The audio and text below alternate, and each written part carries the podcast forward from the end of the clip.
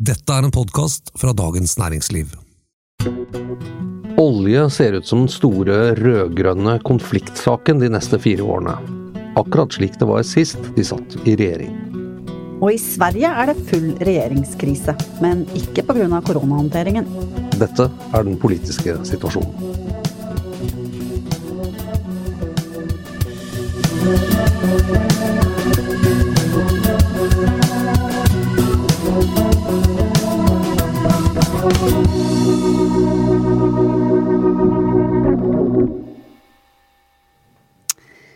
Statens eierskap i Equinor skal nå flyttes fra Olje- og energidepartementet til Næringsdepartementet. Det fortalte DN denne uken.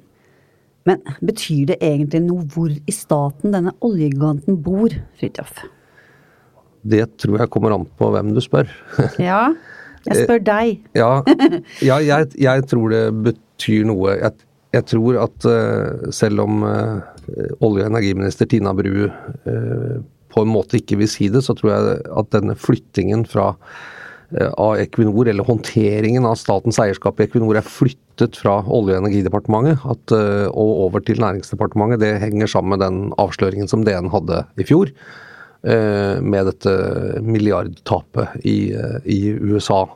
Da kom det frem at uh, rapporteringen og det man kaller eierskapsdialogen mellom, uh, mellom staten i Olje- og energidepartementet og Equinor hadde vært litt obskur, kan man si. Slik at, uh, ja, slik at da Tina Bru rykket ut første gang, så sa hun at vi har fått all relevant informasjon osv. Men etter en ukes tid så kom det jo frem at, at Equinor burde informert bedre. Og nå, nå, skjer altså noe som både den rød-grønne regjeringen til Jens Stoltenberg prøvde å få til, og som uh, tror altså denne regjeringen har hatt på blokka veldig lenge. Flytte eierskapet over til Næringsdepartementet, som er, er egentlig eierdepartementet eh, som, som, håndterer statens eierandeler i en masse selskaper og er profesjonelt eierdepartement for ma mange sektor, selskaper i mange ulike sektorer. Ja, for der er, der er jo alle de andre hel og del eh, eide selskapene redd, organisert, redd, mer eller mindre. Ja, redd for å bli arrestert igjen, som Ja. blir når jeg sier noe feil her, men i hvert fall mange store selskaper er der. De fleste, da. Ja, og, og litt uavhengig av sektor. Så det, dette at Equinor og tidligere Statoil har liksom vært i, i fagdepartementet for olje- og energipolitikk, det, det tror jeg har en litt mer sånn historisk forklaring enn at det, at det egentlig er i tråd med, med at alle statens eierskap på en måte skal behandles på samme måte. Og da er det lurt å ha det i ett departement. Så. Og Norge er så lite, eh, oljen er så betydningsfull at selvfølgelig så vil jo etter hvert da oljebyråkrater og folk på toppen av, av, sektoren bli veldig godt kjent. Og det er vel noe av bakgrunnen her for at man ønsker å skille det. En større kontroll. Altså, det er jo i Næringsdepartementet også at den eh, profesjonelle nærings... Eh, hva det heter, eierskapsavdelingen ligger. ikke sant? Det er der de virkelig kan dette. Eh, Ja, og det er klart at hvis, hvis både de som skal eie, de som skal utøve, og Oljedirektoratet ligger jo også under der, og man deler ut liksom lisenser og gjør alle disse tingene. Om ikke de på en måte, de klarer nok å ha en god rolleforståelse av hva det er å være eierdepartement og hva det er å være selskap osv., men det kan jo hende de, at de har en slags felles grunnleggende virkelighetsoppfatning. At de befinner seg i samme diskurs, som man ville sagt på, på idéhistorie. Eh, som vi vel begge har tatt en eller annen gang. Men, eh, eh, og, det, og det er jo ikke altså hvis, hvis også Equinor skal gjennom store endringer, gjerne drevet fram liksom at det skal omdannes fra å være et oljeselskap til å bli et energiselskap, i videre forstand, så, så kan det hende det er lurt å, å liksom trekke det ut av, av fagdepartementet. Og, og ja, det, det kanskje mulig vi gjør liksom forbindelsen mindre tett, men, men at staten kan ha noe bedre kontroll da, med, med selskapet på det det skal ha kontroll på. Men hvordan kan vi konkludere med DNs eh, påvirkning her? Altså eh, Nei, altså det, det som skjedde var at etter at, eh, at disse milliardtappene i, i USA ble avslørt, eh, og det er vel kjent for, for de fleste av podkastens lyttere det som lå i det, altså at man hadde tapt over 200 milliarder kroner på den satsingen i USA. Så, så, ble det jo en politisk etterspill, og det ble også en riksrevisjonsrapport om det. Og, og det havnet også i den kontroll- og konstitusjonskomiteen på Stortinget. og da kom det fram et ønske og et krav på en måte fra Stortinget om at man burde vurdere om ikke utøvelsen av eierskap skal flyttes fra det ene til det andre, og en, til, fra det ene departementet til det andre. og En av grunnene til det var jo at, eh, at eh, Tina Bru også erkjente at informasjonsflyten eh, fra selskapet opp til hvert fall til henne, og, kanskje også noen tidligere statsråder, hadde vært for dårlig. Sånn at man hadde ikke sett denne risikoen, disse store tapene, tidlig nok. Selv om Equinor formelt hadde, eh, hadde, sagt at de hadde presentert alt de skulle, så var ikke informasjonen nådd frem. Og, og da eh, kunne jo en av grunnene være at, eh, at, departementet og de faglig ansvarlige, der byråkratene, kanskje ikke hadde spurt kritisk nok heller, og kanskje vært trodd litt eller vært litt for vennlig innstilt. Jeg vet ikke. Det, dette er ikke sånn en statsråd kan si, men, men men eh, ja, nå, nå, skjer det i hvert fall. Og det, det, det har vært strittet imot altså, på dette i flere omganger, men det skjer nå. Det, det er en ganske stor nyhet eh, i Equinors vern, det at det flyttes fra et departement til et annet, faktisk. Mm. Ja. Men det skal jo handle om uh, olje fremover i overskuelig framtid i norsk politikk. Det er og blir et utrolig sentralt tema, også for den nye regjeringen. Ja, for, og for hele Norge, vel, egentlig? Sånn Ja, selvfølgelig. ja, for det, vi, vi, vi, må gå fra, skal vi gå liksom fra departementet da, og regjeringen ja, det var du som skulle lage en fin overgang ja, til en annen sentral samfunnsaktør, nemlig Dagbladet. eh, ja. Ikke sant? Eh, som, eh, som, denne uken hadde en sak med riktignok med anonyme kilder, og det var mye styr fra Arbeiderpartiet om å mene at dette var bare bullshit og det kunne ikke stemme osv. Men det var uansett en interessant sak hvor de sa at Arbeiderpartiet allerede har begynt å file på et kompromiss mellom eh, både seg selv og SV, men også Senterpartiet og SV for en fremtidig da rød-grønn flertallsregjering. Der, der, er det hva skal man gjøre med Skal man åpne nye felt for leting og utvinning av olje i, i, på norsk sokkel, eller skal man ikke? SV vil jo nei. Eh, Senterpartiet og oljebransjen vil ja, og Arbeiderpartiet der er det vel én fløy som vil og en som ikke vil osv. Men kompromisset som de satt og filte på ifølge Dagbladet, var at man kunne fortsette å lete i de feltene som allerede var åpnet, altså se om man fant nye oljeforekomster innenfor de feltene som i dag er åpnet for oljevirksomhet. Men ikke åpne nye felt, altså nye firkanter på dette kartet som man har sett utenfor eh, den norske kysten. Og så gikk jo Hadia Tajik og andre veldig sånn med busta opp mot dette her, og dette er, dette er ikke noe grunnlag i virkeligheten. Ingen snakker om dette i Arbeiderpartiet osv. Ehm, det er jo litt urovekkende hvis ikke man sitter i Arbeiderpartiet og tenker litt på hvordan man skal prøve å få liksom disse tre partiene til å samarbeide. For, for, for, dette spørsmålet er jo helt avgjørende. Og i det spørsmålet her så må vel SV få en eller annen type innrømmelse. Uh, og, og, det handler nå om hvorvidt man skal åpne for ny leting eller ikke. Det er det som liksom er det neste trinnet i for og mot olje utvinning. Det holder ikke med liksom å verne områder lenger nå, for nå er jo Arbeiderpartiet allerede på det sporet selv, med å ikke ville utvide i Nord-Norge osv. Så, videre. mm. så nå handler det om, eh, om, rett og slett letingen. Også ref den siste IEA-rapporten, ikke sant. Skal man øh, åpne nye felt og dermed forlenge oljealderen? Eller skal man si at uh, nå er det slutt, nå får dere på en måte tømme det dere har fått, og så mm. blir det ikke noe mer. Og dermed så sier man jo veldig klart at oljealderen går mot slutten. Nå kan det jo finnes nye, nye oljeforekomster innenfor de eksisterende feltene, men man skulle jo tro at de er relativt godt uh, undersøkt.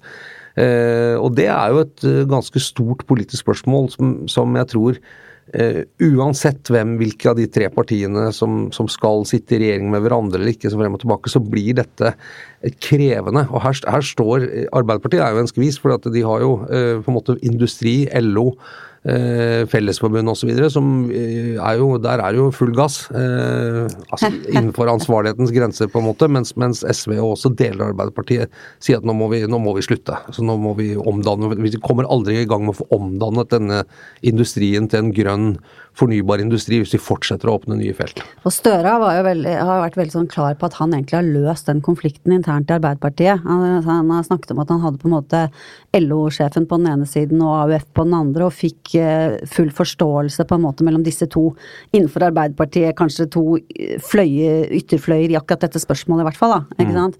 Hvor du har de unge, urbane, klimaopptatte eh, velgerne, og så har du LO som er veldig opptatt av å, beholde jobber og industri. Um, han har i hvert fall uh, ment at han har greid å få disse to til å snakke med hverandre og forstå hverandre. Uh, jeg er ikke helt sikker på om, uh, om han er helt i mål. altså, det, problemet består. For eksempel så er jo ikke det de, Hvordan lander man på dette med å lete videre eller ikke, for eksempel? Ja, og det, det, kan være mye retorikk, og det kan være sånne ting. Men det, det som og som jeg sa i toppen av programmet, er at dette minner jo egentlig om Stoltenbergs regjering fra 2005 til 2013, kanskje særlig de første fire årene. Da handlet det om Lofoten, mm. og så ble det Lofoten-Vesterålen, og så ble det Lofoten-Vesterålen, Senja, alle disse. Men det handlet om havområdene, spesielt utenfor Lofoten, hvor SV og Senterpartiet da, på den tiden, det var det gamle Senterpartiet, var veldig mot uh, oljeutvinning der. Men sterke krefter i Arbeiderpartiet var for. Og da, Det kunne se helt uforenlig ut. Jeg tenkte dette går det ikke an å komme ut av. Dette kommer til å ende på en måte med, med krasj og en politisk krise. Men det som jo, syns jeg i hvert fall viser seg av og til, er at der hvor man går inn i et på en måte politisk samarbeid og man vet at man har to helt uforenlige standpunkter, så har politikere en eller annen evne til å klare å bli enige og finne et eller annet kompromiss, og så pakke det inn i en del sånn nøyejustert retorikk som gjør at man så kommer ut av det. Jeg syns ikke det hørtes så dumt ut, ja, det som disse hemmelige kildene til Dagbladet hadde kommet med. Eh, ikke sant? En eller annen type Nei, vi sier ikke Vi stopper ikke alt, men vi åpner heller ikke helt nye. ikke sant? At det, det er ikke sikkert det er helt på jordet, men nå virker det som at det eh, føltes risikabelt sånn vis-à-vis Senterpartiet, da, hvis man skal dømme ut fra reaksjonen til Hadia Tajik og de andre som, eh, som mente at dette her stemmer overhodet ikke, vi snakker ikke sånn, og vi skal, vi skal ikke nedlegge oljevirksomheten og osv. Det, det var veldig viktig for dem å si det, tydeligvis. Ja, fordi liksom slagordet der 'vi skal utvikle, ikke avvikle' ja, ikke sant? Og, ikke sant? Og, men det, det, å liksom fortsette å lete i eksisterende felt kan man jo mm. kalle en form for utvikling. Ja. Litt beskjeden kanskje, men, eh, men det går i hop. Så, så, egentlig syns jeg, ikke, altså, på en måte Soliditeten i Dagbladet sagt, den den får de stå for selv. men men, men, det at man satt og begynte å tenke og se liksom, ok, hvordan kan vi klare å frame og få på plass et eller annet kompromiss som gjør at vel, det er fortsatt virksomhet, men vi gir noe sånn, det, det ville jo som du sa vært veldig rart om ikke de satt og filte på det. De har, ikke, de har, ikke, så god tid hvis de skal sette seg ned med en regjeringsforhandling, og dette spørsmålet må man jo være forberedt på. Eh, det er kanskje til og med viktig å få liksom en skisse på at her kan vi finne en eller annen form for i hvert fall ytre enighet. Eh, hvis ikke er det ikke noe vits å sette seg ned sammen engang. Så, så hvis ikke de hadde gjort det, eh, så hadde det vært rart. Men om dette på en måte er det endelige svaret, altså hvordan det var pakket inn, det, det, er, jeg litt, eh, det er jeg litt mer usikker på. Men det er, det er interessant at det kommer ut. Eh, fordi at, eh, fordi at eh, det å liksom vise sånne forlik og sånn før de er helt ferdig, det vil jo kunne gjøre at prosessen sier at Da vil du kanskje forrykke hele den der balansen i prosessen som gjør at de som er veldig for, å kjøre videre med olje ved å si at nei, dette kan vi ikke finne oss i, vi må på en måte mer over på vår side. Og da blir det jo vanskeligere å finne kompromisser med SV som man kan leve med, da. Ja, og så er det noe med at de skal inn i forhandlinger, og, og, og hvis liksom den tross alt foreløpig største aktøren har, har, på en måte begynt å bestemme seg for hva de skal gå for, så er det også en sånn følelse av at her, her blir det styrt. Det er ikke åpenhet for våre synspunkter osv. Så, videre, så det, det her er jo mye taktikkeri òg. Ja. Men øh, jeg syns ikke det høres helt usannsynlig ut at de tenker på den måten i Arbeiderpartiet. Nei. Jeg er spent på reaksjonene hvis det kommer noen. Nå, så sant, nå var jo Arbeiderpartiets ledelse så hardt ute og sa bare ta dette av bordet, dette er ikke noe vits å snakke om, det er ikke vits å reagere på, for det er bare tullball. Men altså, eh, vi får se om det kommer noen reaksjoner på det. Og, det er også litt spennende å se hvilke politiske reaksjoner kommer på det vi begynte med, nemlig at Equinor skal flyttes til næring. Eh, kommer noen partier til å reagere på det? Kommer hva kommer Senterpartiet til å si om det? Hva, hva sier eh, Frp om det? Og liksom de som har vært mest på oljeindustriens side. Oppfattes det som på en måte et tegn på mm. at liksom Equinor nå ikke lenger liksom har olje som sin eh, fremste, eller olje og gass da, som sin fremste virksomhet, men at det dermed så ligner det mer på en annen type selskap og kan flyttes til næring. Og, og, og få liksom kuttet av den der veldig privilegerte kontakten det har hatt inn mot det norske eh, oljesystemet. Da. På den annen side så heter det jo Olje og energi, da. Olje- og energidepartementet. Og de driver jo med fornybar og Ja, Han heter ikke Energi- og oljedepartementet, det gjør det ikke. Nei, nei, nei, men det er ikke bare olje. Nei, men det er klart men, Olje- og gassdepartementet. Men fagmiljøene på olje og gass der har jo vært veldig, veldig veldig sterke. Og det er jo rett og slett fordi det er jo, der har det jo ligget det enorme rart. Mm. verdier, ikke sant. Ja. Uh, ja, så det blir, nei, det blir spennende å følge med på. Men ja, det er klart at uh, han, sjefen i Equinor også har jo signalisert veldig store og ambisiøse endringer. Eh, og at eh, mye av pengene de tjener på olje og gass i siste fase, nå skal brukes til å investere i, fornybar. Noe aksjemarkedene har jo sendt jo kursen ned på det. Og sa at her blir det lavere eh, lavere utbytte og lavere fortjeneste til oss, fordi ved å bruke pengene i et mye mer usikkert marked da, på fornybar, hvor det er mange om beinet, framfor å gjøre det man er best på, ta opp olje og gass og, og tjene penger på det og gi til eierne. Men uh, vi får se. Det er ikke sikkert at Equinor blir den store energigiganten i et fornybart eller grønt Norge. Det kan jo være andre selskaper som blir det òg. Mm. Eh, Men det var eh, fra vestsiden og sjøen vest for Norge. Vi må østover igjen og til eh, nabolandet Sverige, hvor det Over kjølen. ja, endelig en regjeringskrise i Sverige. Endelig. Ja. Endelig har de tatt til vettet. Eh, nei, altså vi har jo både her i den politiske situasjonen og norsk debatt generelt vært eh, en smule vantro til koronahåndteringen i vårt kjære naboland. Eh, og syns at eh, politikerne der har sluppet eh, rimelig billig unna eh, eh, en i hvert fall høyst diskutabel eh, strategi. Men nå stormer det rundt altså statsminister Stefan Löfven, eh, og det av noe helt annet. Det Boligpriser? Bolig, leie, leiepriser, og hvem som skal få lov til å bestemme uh, leiepriser på nye boliger, uh, faktisk. Punkt 44 i januaravtalen. Mm. Det husker du vel? Ja. Det er, ja, faktisk, når du sier det. Ja, men det er fordi jeg har lest om det de siste dagene. Ja, Ja. nemlig. Ja. Nei, men da, da, det handler altså om en liberalisering av eh, leiemarkedet i Sverige. Og i Sverige så er jo leiemarkedet mye viktigere enn i Norge. Veldig mange flere mennesker leier boligen fremfor å eie. Eh, og her har det vært uh, uh, en klar bestemmelse fra, fra da de dannet regjering i 2018 om at den skal liberaliseres. Eh, Det betyr at nye eh, utleieobjekter, der skal eieren selv få lov til å bestemme leiepris. Mm. I motsetning til å forhandle den med en sånn eh, leieboerforening, ikke sant.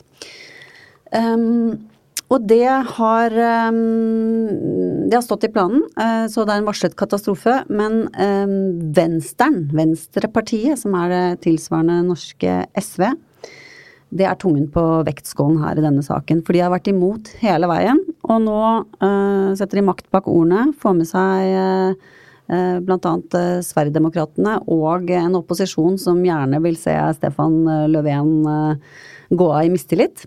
Eh, så det er blitt flertall mot dette forslaget. Så høyresiden, eh, som på en måte er mer kapitalistisk anlagt enn sosialdemokratene, eh, feller nå eh, Löfven på mistillit fordi han ville gi boligutbyggere frihet til å bestemme prisen selv. Det, Ja, det det- lukter jo politisk spill, og ikke er- sak akkurat. Nei, ja, det er i hvert fall mye av det. Men du har jo en, en annen interessant ting er jo liksom det at, eh, at eh, Sverigedemokraterna jo da i likhet med, med Frp er på en måte venstreorientert i, i økonomisk politikk, ikke sant. Så de, de er faktisk på, i sak enig med Venstrepartiet her.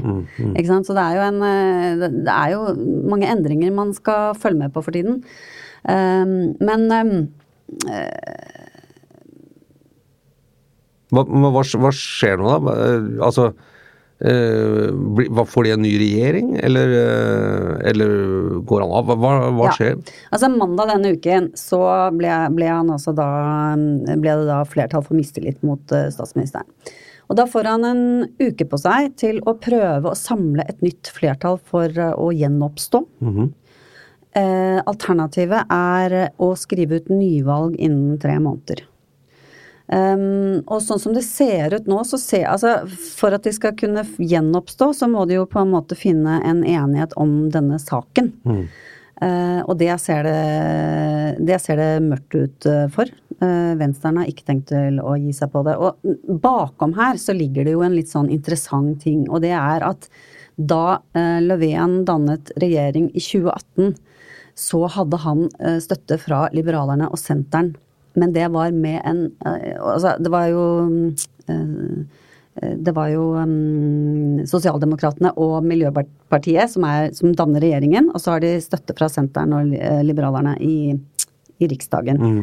Men med en forutsetning om at de ikke skulle samarbeide med Venstren. Altså eh, SV, de, de, SVs eh, søsterparti i Sverige. Ja. Sånn at de var, på måte, har på en måte vært skjøvet ut i kulden. Det har vært en sånn slags avtale om at ikke vi vil eh, Det er greit, vi kan støtte deres regjering hvis dere holder Venstren på en armlengdes avstand. Ja. Og dette minner jo litt om eh, noe man driver og snakker litt om i Norge, ikke sant? Ja, litt. Også fordi at de, de to partiene du mm. nevnte der, det Eh, de gikk jo egentlig til valg som en del av en borgerlig blokk sammen med Moderaterne, ikke sant? Eh, og, og Kristdemokraterne, var det vel. Mm. Eh, de fikk jo ikke flertall, da måtte de ha med Sverigedemokraterna, men det hadde jo Moderaterne lovet at de aldri skulle ta med Sverigedemokraterna i en eller annen form for parlamentarisk grunnlag. Og i, i Sverige har du vel også det merkelig at du du må på en måte bli stemt inn i Riksdagen for å danne regjering. Det er ikke sånn som i Norge at du, du sitter helt til du blir kasta. Du, du, trenger et aktivt liksom investitur, som heter. Gjør det ikke? Jo, jeg tror, jeg tror det må det. Så du må liksom avklare et flertall for å få lov til å tiltre som, som regjering, i hvert fall eh, en gang. Eh, så vidt jeg har forstått det. Det er, jo veldig, u, veldig, uoversiktlig, men utrolig mye sånn politisk spill. Løven brukte jo veldig lang tid på Ja, det var jo helt ja, spektakulært, ja. ikke sant. Og det, og det altså Sverigedemokraterna fikk jo 17,5% av stemmene i 2018. Um, og var sånn skikkelig parakaste, og ingen uh, ville ta i dem. Og det tok Hvor mange måneder var det? Var det tre-fire måneder uten regjering? Mm. Uh, før de greide å, å, å, å, lande ned på dette veldig, denne skjøre konstruksjonen som da varte til nå. Ja. To og et halvt år. Og nå, nå sprakk det altså på, den, uh, på denne her avtalen som, hvor du har på en måte senteren, på, særlig senteren, på den ene siden, og venstren på, som, som ikke godtar hverandre, da. Eller i hvert fall sentrene som ikke godtar uh, Venstrepartiet. Det det er ganske, ganske, interessant uh, utvikling både i Sverige, hvor det sånn altså Nå er det politisk støy på en måte på riksdagsnivå, taktikkeri og spill osv. med dette mistillitsforslaget, men det, det, er jo uttrykk for et eller annet sånn eh, uro på en måte rundt hvordan man skal konstituere seg og forvalte på en måte folkets stemme. Det å, det å liksom utelukke et 17 %-parti fra all politisk innflytelse gjennom vedtaksform, på en måte, er jo litt merkelig. Det, I Norge ville det vært litt merkelig, syns jeg. Ja, og så har vi jo Danmark ja. i tillegg, hvor det også skjer ganske mange ting. Så det er en del å følge med på der. Da. Mm. Absolutt, men, men, det som er veldig spennende nå, da, er jo ikke sant, i løpet av denne kommende uken, hva vil skje? Eh, og det mange eksperter i Sverige tror, er at det er mest sannsynlig at det blir skrevet ut uh, nyvalg. Um, og at da det kan ligge an til, eh, til uh, regjeringsskifte. Og nå ser man jo I påsken så endret, var det jo noe som endret seg. Nemlig fordi liberalerne åpnet for å støtte så, uh, Sverigedemokraterna. Sånn at nå, nå fins det potensielt et flertall for en, et borgerlig Altså liberalerne hopper opp på borgerlig side. Flertall for en borgerlig eh, regjering inklud, som inkluderer Sverigedemokraterna. Da, da, da, da er det mulig at liksom dette Sverigedemokratiske sjokket er begynt å gå over i Sverige. At de, at de har liksom fått den der stureenheten som gjør at de faktisk spiller inn som et vanlig parti, da. Ikke ja. som et parakast eh, som de prøver å komme seg rundt og lage skjøre regjeringskonstellasjoner rundt. Nei, men at de kan være, være en del av et parlamentarisk grunnlag for en, for en ja. uh, borgerlig regjering, ja. Mm. Eh, og kanskje en gang også komme inn i regjering, eh, som jo, ja har skjedd andre steder. Og Danmark det, vi, det blir et, eh, det er et lite land men det er i utstrekning, men det er et stort lerret å bleke. Men der er jo også det sosialdemokratiske partiet som på en måte har hoppet over og, eh, og blitt liksom det fremste, hva skal man si eh, fleksible populistpartiet med Mette Fredriksen. Det er mye interessant å følge med på der også. Det får jo vise til kommentarer fra kollega Hvitsvang og andre som, som, skriver mye godt om det, men det får nesten bli en egen sending. fordi at nå Der er jo Dansk Folkeparti også da gått kraftig tilbake, ikke sant. Ikke sant? Du ser at Mette Fredriksen har på en måte kara til seg en god del av det velgergrunnlaget, da. Ja, ikke sant. Du, vi snakket om den Listhaug-episoden og Marsdal og Listhaug-koden og alt det. Mm. Ja, det er mye interessant. Vi Får se hvor mye av dette som eh, glir over i Norge etter hvert. Her er det jo relativt harmonisk og oversiktlig, selv om Senterpartiet lage litt styr med om SV skal være med eller ikke. I hvert fall sammenlignet med de to nabolandene våre. Da. Ja, altså utsiktene til en, til en, mulig stabil regjering er jo ikke helt svarte her.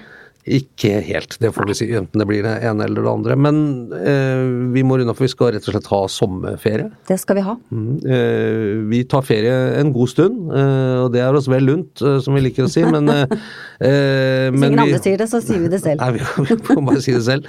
Men vi, vi kommer med en liten sånn sommerspesial hvor vi skal oppsummere halvåret, eller i hvert fall se på noen ting som gjorde litt ekstra inntrykk på oss i, i halvåret som har gått. Den kommer om et par uker. Og så er vi tilbake med regulære, eh, forsøksvis aktuelle sendinger fra den 29. juli, og da går vi jo rett inn i valgkamp, Arendalsuke og masse spennende. Det blir tipp topp aktuelt, da. Det er, det, da er det valgkamp for alle penga. Da er det. Inntil videre så ønsker eh, Eva Grinde og Fridtjof Jacobsen eh, sammen med produsent Oskar Bremer alle lyttere av den politiske situasjonen en god sommer. Og så høres vi igjen på andre sida. God sommer.